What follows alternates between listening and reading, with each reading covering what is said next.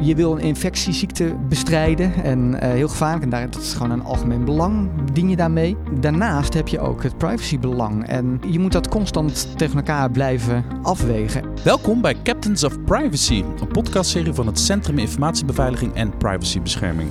Samen met Walter van Wijk van het CIP bespreek ik met inspirerende professionals de stand van privacyland aan de hand van hun visie en hun persoonlijke ervaringen. Soms zie ik dat dan de, de, privacy juist heel zwaar weegt, waardoor allerlei goede ideeën voor, ja, voor de samenleving eh, niet doorgaan of geen kans krijgen, omdat je daar heel veel erg je best voor moet doen. En dat is niet altijd terecht. Vandaag is de gast Chris van Balen, privacy bij het ministerie van VWS. Werkte eerder bij de autoriteit persoonsgegevens en was advocaat. Uh, dus eigenlijk heeft hij zeg maar, zijn zwarte toga verruild voor nou, een witte jas, VWS. Ongeveer wel, ja. Hm. Hey Chris, leuk dat je er bent. Eventjes om jou een beetje neer te zetten. Waar, hou je zo al mee bezig? Wat zijn de dossiers bij VWS waarvan jij zegt privacy belangrijk? Dossiers corona, ja, dat speelt natuurlijk de afgelopen twee, drie jaar al uh, ja, bij het ministerie van VWS bij uitstek. En, uh, dus ik hou me vooral ook heel veel bezig met uh, het uitwisselen van data over corona tussen verschillende bestuursorganen en vaccinatiegegevens. Wat, wat doen we ermee? Mag je er onderzoek mee doen?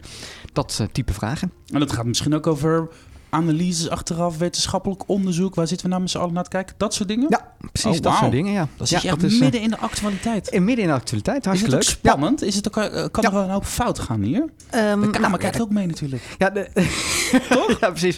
Nee, nou ja, dat kan wel fout gaan. Ja, het gaat uiteindelijk om ge, uh, gezondheidsgegevens, dus dat, mm -hmm. daar moet je voorzichtig mee zijn. En inderdaad, het, ja, deze week stond het ook weer van alles in de krant over het doen van medisch onderzoek met coronadata. Onder welke omstandigheden mag dat? En ja, dat is uh, ja, heel interessant. Ja. Ik denk dat uh, dit komt uh, nog wel voor, voorbij. Misschien kan je niet alles zeggen. Je werkt gewoon bij een ministerie, Precies. weet je wel. Maar ja, we kijken gewoon hoe ver we komen. Walter die heeft een paar vragen en een paar stellingen meegenomen. En aan de hand daarvan gaan we eens even kijken hoe ver we komen. Walter, wat, hoe trappen we af vandaag? Nou, we beginnen met een vraag. Uh, het kwam net al even langs. Jij hebt natuurlijk uh, VWS uh, gezien vanuit de crisis van corona. Halverwege die crisis ben je daar binnengekomen. Je hebt ook bij de AP gewerkt. Dus je hebt een hoop ervaring, een hoop dingen gezien. Vanuit jouw optiek, wat is op privacygebied op dit moment nou onze grootste collectieve blinde vlek? En waarom? Um, nou, collectief. ik denk wat je met um, gegevens allemaal kunt doen. Ik bedoel, privacybescherming is belangrijk, maar um, vaak wordt de AVG ook als een belemmering gezien en ziet, zie je vaak ook niet de mogelijkheden die de AVG biedt, ook voor wetenschappelijk onderzoek en um, dat soort dingen. Dus misschien is dat wel een blinde vlek, dat we ook als privacyjuristen misschien te veel kijken naar wat kan niet en te weinig naar wat kan wel, ondanks dat je wel voorzichtig moet zijn met die gegevens. En dan is een beetje die blinde vlek van uh, pas op dat je je niet laat lam slaan, omdat je, dat hoor je ook vaak, dat mensen ja. denken dat het niet mag of dat het niet ja. kan en dat ze uit voorzorg helemaal niks doen. Precies. Net van, nou, dat ja. is best wel een hoop ruimte om allerlei... Of zeg je eigenlijk, word niet te veel de persoon met dat wijzende vingertje... waardoor mensen allergische rode vlekken van je krijgen? O, ook dat. Nou, er is veel krampachtigheid in privacyland. Van, heb, heb, je nou een voorbeeld van, van een dossier van je zegt van... jongens, hier, hier zit iedereen, hier lopen mensen een beetje vast... Maar jongens, je kan gewoon hiermee aan de slag. Ja, ik zie het regelmatig. Ik, kan niet heel concreet worden of zo in bepaalde gevallen. Maar wel bijvoorbeeld met, met onderzoek. Van, ja, er wordt al heel gauw gezegd uh, van... ja, het mag niet van de privacy. En um, terwijl je ook denkt van, uh, van... ja, de AVG is juist bedoeld om goed wetenschappelijk onderzoek te doen. En er komt nu ook een nieuwe verordening aan vanuit Europa... waaruit je ook het afleiden van... ja, men vindt onderzoek, medisch wetenschappelijk onderzoek... ook heel erg belangrijk. Dus um, die balans die mis ik nog wel eens. En dat je dan...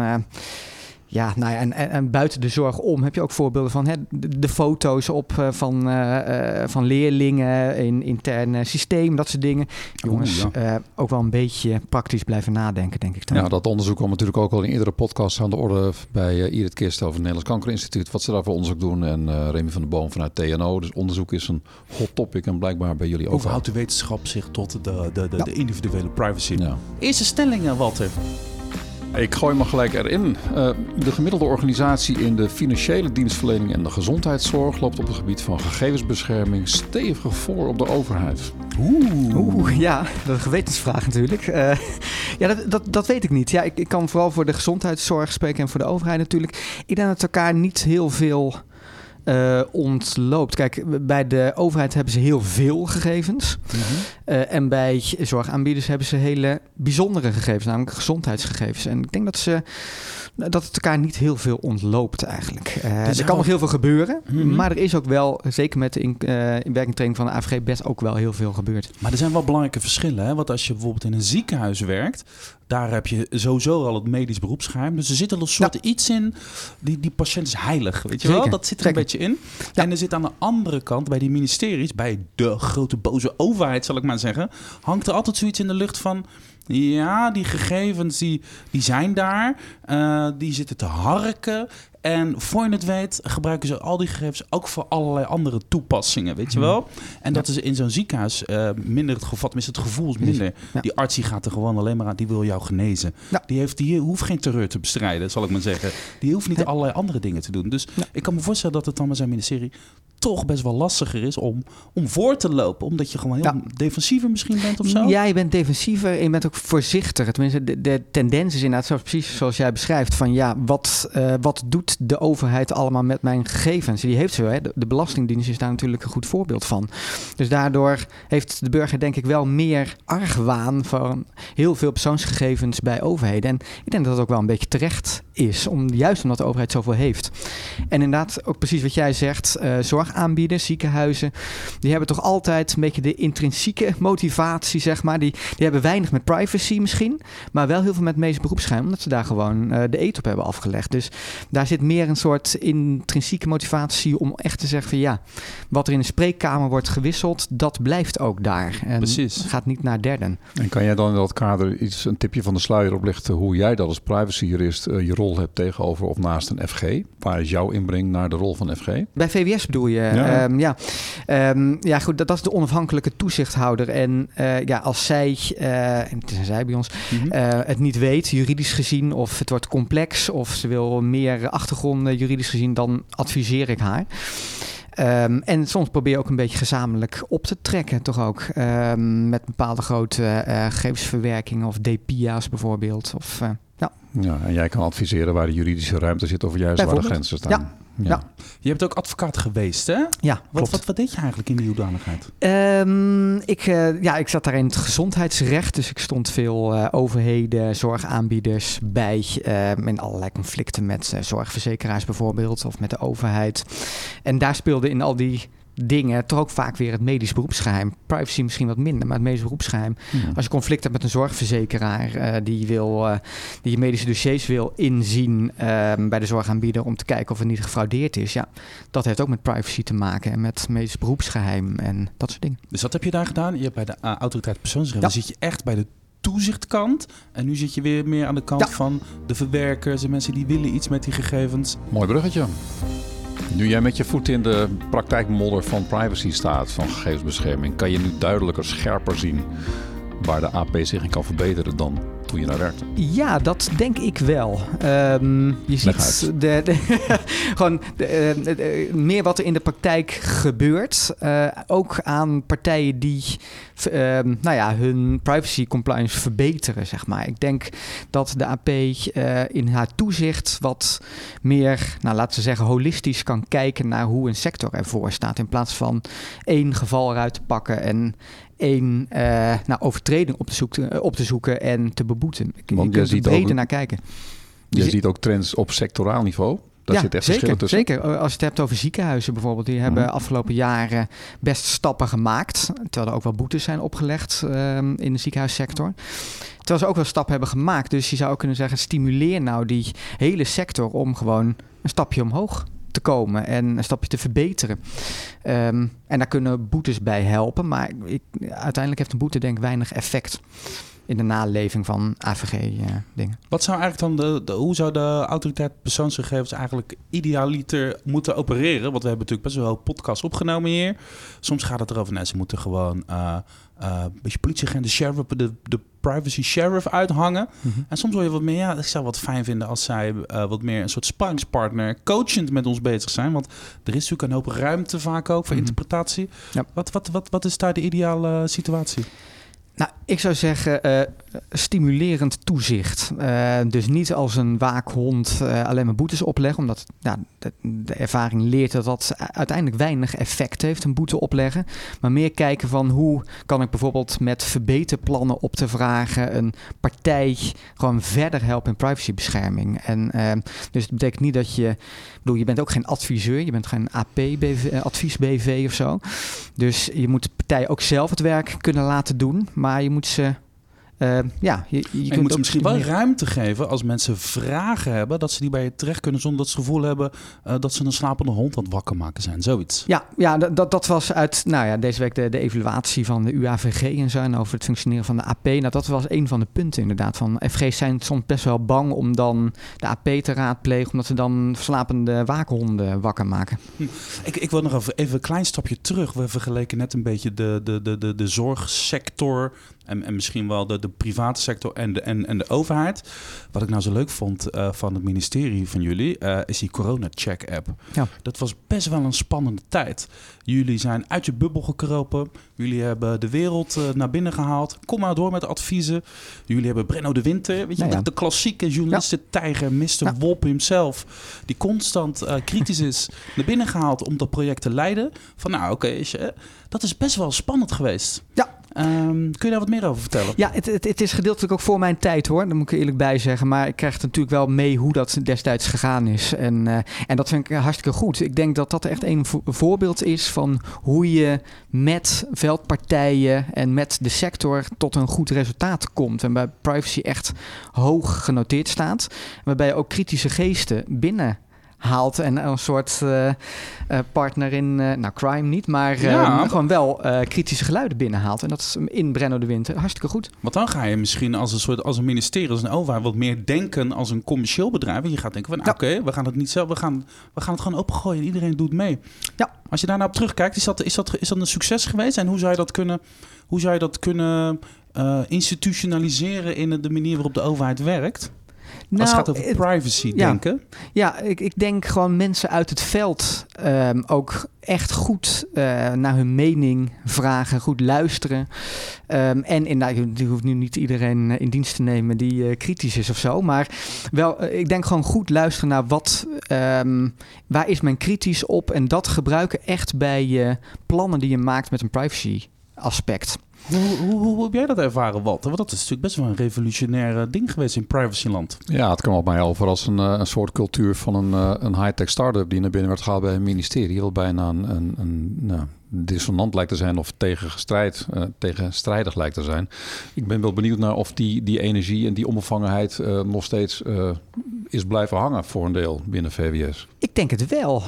Um, in de zin van um, hè, je oor te luisteren leggen bij ook kritische geesten. Ik denk het wel. Ja, en kijk dat en, en, en corona app maken, dat doe je hopelijk maar één keer in de zoveel tijd. Of nou, hoe is dat niet nodig? Maar juist op dat soort cruciale momenten dat je dan dat soort dingen doet, toch heel innovatief bezig bent en naar het veld luistert, ja, dat lijkt me heel belangrijk. En dat denk wel dat het ministerie dat meeneemt, ja. Dat, uh, ja. Nou, dat maakt VWS dan in mijn uh, persoonlijke beleving als een hele interessante organisatie om voor te werken. En misschien zijn ja. ze wel lichtend voorbeeld voor andere departementen.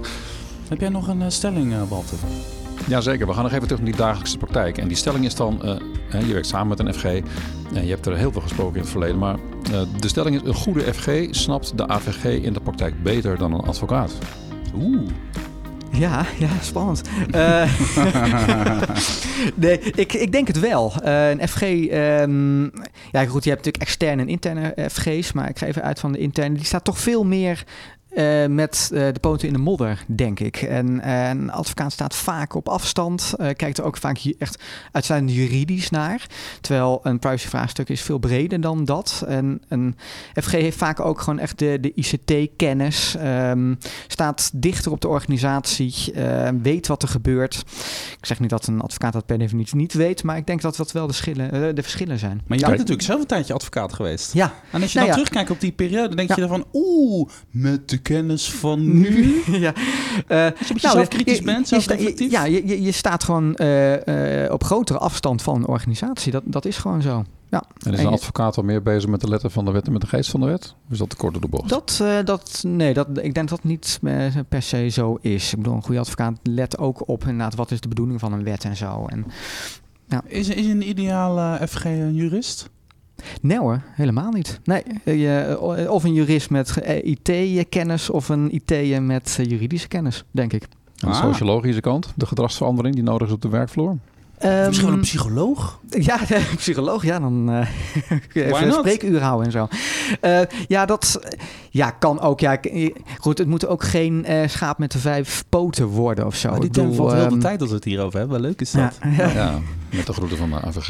Maar, ja, nou ja, maar waar, waar, maar wat is dan een ideale FG in jouw optiek? Wat, is dat, is dat een, een, een socioloog met een soort ju- juridische know-how erbij? Of is het een, een jurist met een beetje sociologische know-how? Wat, wat is nou een F- goede FG? Je noemt IT heel nadrukkelijk, dus dat is in jouw werkwereld heel ja, ja, relevant. en, en iemand die weet hoe eh, processen in een organisatie lopen, wat daar eh, van de privacy-risico's zijn, dus die een beetje weet ook hoe de systemen in elkaar zitten en daar ook de juridische eh, nou ja, dingen van kan inschatten. Ja, en voor de rest denk ik ook die kan beïnvloeden. Ehm, die ehm, ja, mensen mee weet te krijgen in nou, bepaalde standpunten over privacy. Ehm, dat is denk ik ook heel belangrijk. En bestuurders ook weet te beïnvloeden, maar ook weet te enthousiasmeren, zeg, mee te krijgen voor het privacy-verhaal. Hoe, hoe oud ben jij? ik ben eh, 37. Je bent relatief jong. Eh, jij hebt misschien. Ik ben, ik ben 41. En dus wij zijn een beetje de generatie. Ik denk toen jij een beetje achter in, de, in je tienerjaren was. kwam de mobiele telefoon Exact. op. Hè, Ja. Zoiets. En e-mail. Ja. Dus, dus, dus je hebt net als ik een soort wereld meegemaakt dat alles nog een beetje analoog was. En Mhm. je ziet technologie oprukken. En dat gaat hard met die tech- technologie. Je noemde net zelf IT. Heb jij een beetje een soort intuïtief gevoel wat, wat de impact is van al die tech- technologieën? AI, big data. Mhm. Dat is natuurlijk eh, privacy technisch gezien voelt dat vaak als een bedreiging. Ja. Ze vreten onze informatie. Ze gaan het Ja. allemaal aan elkaar koppelen. En ik heb er geen controle meer over. En ik weet helemaal niet meer waar het is. Heb jij een Yes. beetje een feeling daarbij? Eh, ja, en ook wel, ik, ik heb dat inderdaad wel zien verschuiven, zeg maar, zien komen. En, eh, maar ik heb het eigenlijk eh, in eerste instantie echt als een soort verworvenheid gezien. Van, je, je kan zoveel en wat moeten we zonder Google, zeg maar, nu. Mhm. En toen ik hier naartoe kwam, toch eens even kijken hoe ik dan precies moet lopen. Dus toch vooral de... De, de positieve kanten ervan gezien. En later ook, natuurlijk ook meer, ehm, nou ja, meer media die erover gingen berichten. van ja, daar zitten ook gewoon risico's aan. En eh, waarvan je je nou, gewoon vaak niet bewust bent. En dat heeft gewoon. eh, ja, Maar ik kan me zo voorstellen, er zijn natuurlijk op zo'n ministerie aan de lopende band eh, projecten, ideeën, vergaderingen. Er moet weer eens een keertje een, eh, een, het, het, het T-woord, een toeslagen, worden slimme dingen Ja. voor bedacht. Ja. En dan wordt er natuurlijk constant gedacht, ja, we gaan gewoon slimme IT erop zetten. En dan wordt iedereen natuurlijk gelijk een beetje zenuwachtig. Kan me zo voorstellen, er zijn natuurlijk affaires hierover geweest. Maar andere, nou, iedereen Ja, kent het allemaal wel. Ehm, je moet ook een beetje een, eh, een, een, een techie zijn, een techgekkie zijn misschien, of niet? Ik heb geen idee. maar- ja, eh, ben ik niet hoor. Maar, Nee, maar je moet het goed. wel snappen. Je Ja. moet wel intuïtief een beetje gevoel hebben. Ja, van, klopt. Nee, je, moet, je moet er wel een beetje feeling mee hebben. Dat, dat klopt. En ehm, van wat er allemaal kan. Maar ik ben verre van een techneut of zo. Dus daar heb je allemaal weer data-analysten en, en, en, en tech- technologen voor. Maar ik probeer daar wel altijd de vraag te stellen van... ja, het is allemaal heel bruikbaar en heel handig allemaal. Maar wat zijn de risico's daar ook weer van? En eh, houden de privacy nog een beetje in de gaten? Je hebt een heleboel gezien. De, de maatschappij is veranderd. Je bent nog relatief jong, maar toch heb je een hoop meegemaakt. De techniek is veranderd. Eh, je hebt een hoop dingen gedaan en ondernomen. En het kan niet zo zijn dat alles overal helemaal goed is gegaan. dus sommige dingen zijn misschien wel verkeerd gegaan of niet optimaal gegaan. En de vraag is dan, ja, wat is nou jouw meest eh, duidelijke leermoment... eh, wat je door de loop van de jaren heen hebt mogen ontdekken... en die ook voor anderen interessant en inspirerend kan zijn om daar kennis van te nemen. Mijn leermoment. Ja, nou dat zit gewoon ook in hele kleine dingen die ik zelf eh, pas meemaakte. Van eh, dat ik mijn, mijn, pincode van mijn creditcard was vergeten en was allemaal geblokkeerd, allemaal moeilijk en zo. En toen ging ik bellen met de bank en nou, wat is mijn code en kan ik een nieuwe krijgen? En ik dacht, heb ik nou een goede, goede code? En toen zei ik per ongeluk van ja, ik heb, ik heb nu dus code huppelde huppelde pup. Dus uh, dat is een beetje suf natuurlijk. Ik denk van ja, uh, dat is nou echt bij uitstek het voorbeeld waar het dus fout gaat. En waar je dus ook ben je zelf met privacy bezig en met en geheimhouding. Het is er gewoon om, om te verzaken kennelijk. Hoe, hoe, makkelijk het is. Ja, en dan denk je van... Nou. We dachten eigenlijk dat we deze een andere kant op gingen sturen. Wat tijdens het vorige... Wij hebben ik even kennis gemaakt mm afgelopen week. En jij zei, zei van... Uh, privacy wordt vaak een beetje gezien als een neuzelpuntje. En, ja. en, en, en ik interpreteer dat een beetje als van het is vaak in zo'n organisatie misschien een soort sluitstuk in het beleid. We willen van mhm. alles, we hebben prioriteiten in de organisatie. En dan, oh ja, we moeten ook nog iets met privacy. Dat is een beetje het gevoel wat ik kreeg. Maar dat is natuurlijk onzin, toch? Ja, nee, dat, dat was. Uh, ja, nou ja, het, het, is vaak, wel vaak een neuzelpuntje. En nog wat even op het laatst komt. Maar het, het probleem is soms ook dat het op het eerst komt. Dat men begint met uh, privacy. Ja, het, het, mag niet van de privacy, dus daarmee staat ook alle innovatie en nieuwe ideeën in de weg. En zeker bij overheden zie ik dat ook nog wel eens van, ja, uh, nee, dit mag niet, want we mogen geen persoonsgegevens verwerken. Terwijl ik denk ja, maar het begint al veel eerder. Je hebt eigenlijk de bevoegdheid niet om deze taak te doen als overheid. Dat is eigenlijk een heel ander probleem dan een privacyprobleem. Oh, dat dus, vind ik eigenlijk leuk. Dus aan de ene kant is het een sluitstuk en dan zeg je van jongens, pas op, uh, het is relevanter dan dat. Aan de andere kant wordt het dus een drempel opgeworpen om innovaties. En jij zegt eigenlijk van nee, als, als, als, als, als tip misschien naar de privacy professional, uh, verweef dat eigenlijk altijd in al je neem het altijd een beetje mee, wees altijd alert. Ja, privacy is niet het enige wat er bij zo'n vraagstuk is. Het is niet het slotstuk of het sluitstuk of dan ook niet het begin. Maar het is een van vele dingen. En dat zie je ook met, met het hele corona gebeuren. Hè. Ehm, eh, kijk, je wil een infectieziekte bestrijden en uh, heel gevaarlijk. En daar, dat is gewoon een algemeen belang, dien je daarmee. Maar ja, daarnaast heb je ook het privacybelang. En dus je, je moet dat constant tegen elkaar blijven afwegen. En soms zie ik dat dan de, de, privacy juist heel zwaar weegt, waardoor allerlei goede ideeën voor, ja, voor de samenleving eh, niet doorgaan of geen kans krijgen, omdat je daar heel veel erg je best voor moet doen. En dat is niet altijd terecht.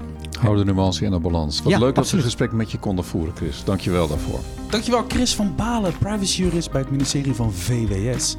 En uh, misschien heeft dit gesprek je wel geïnspireerd. En misschien denk je wel, hé, hey, ik wil die andere afleveringen ook luisteren. Ja, dat kan.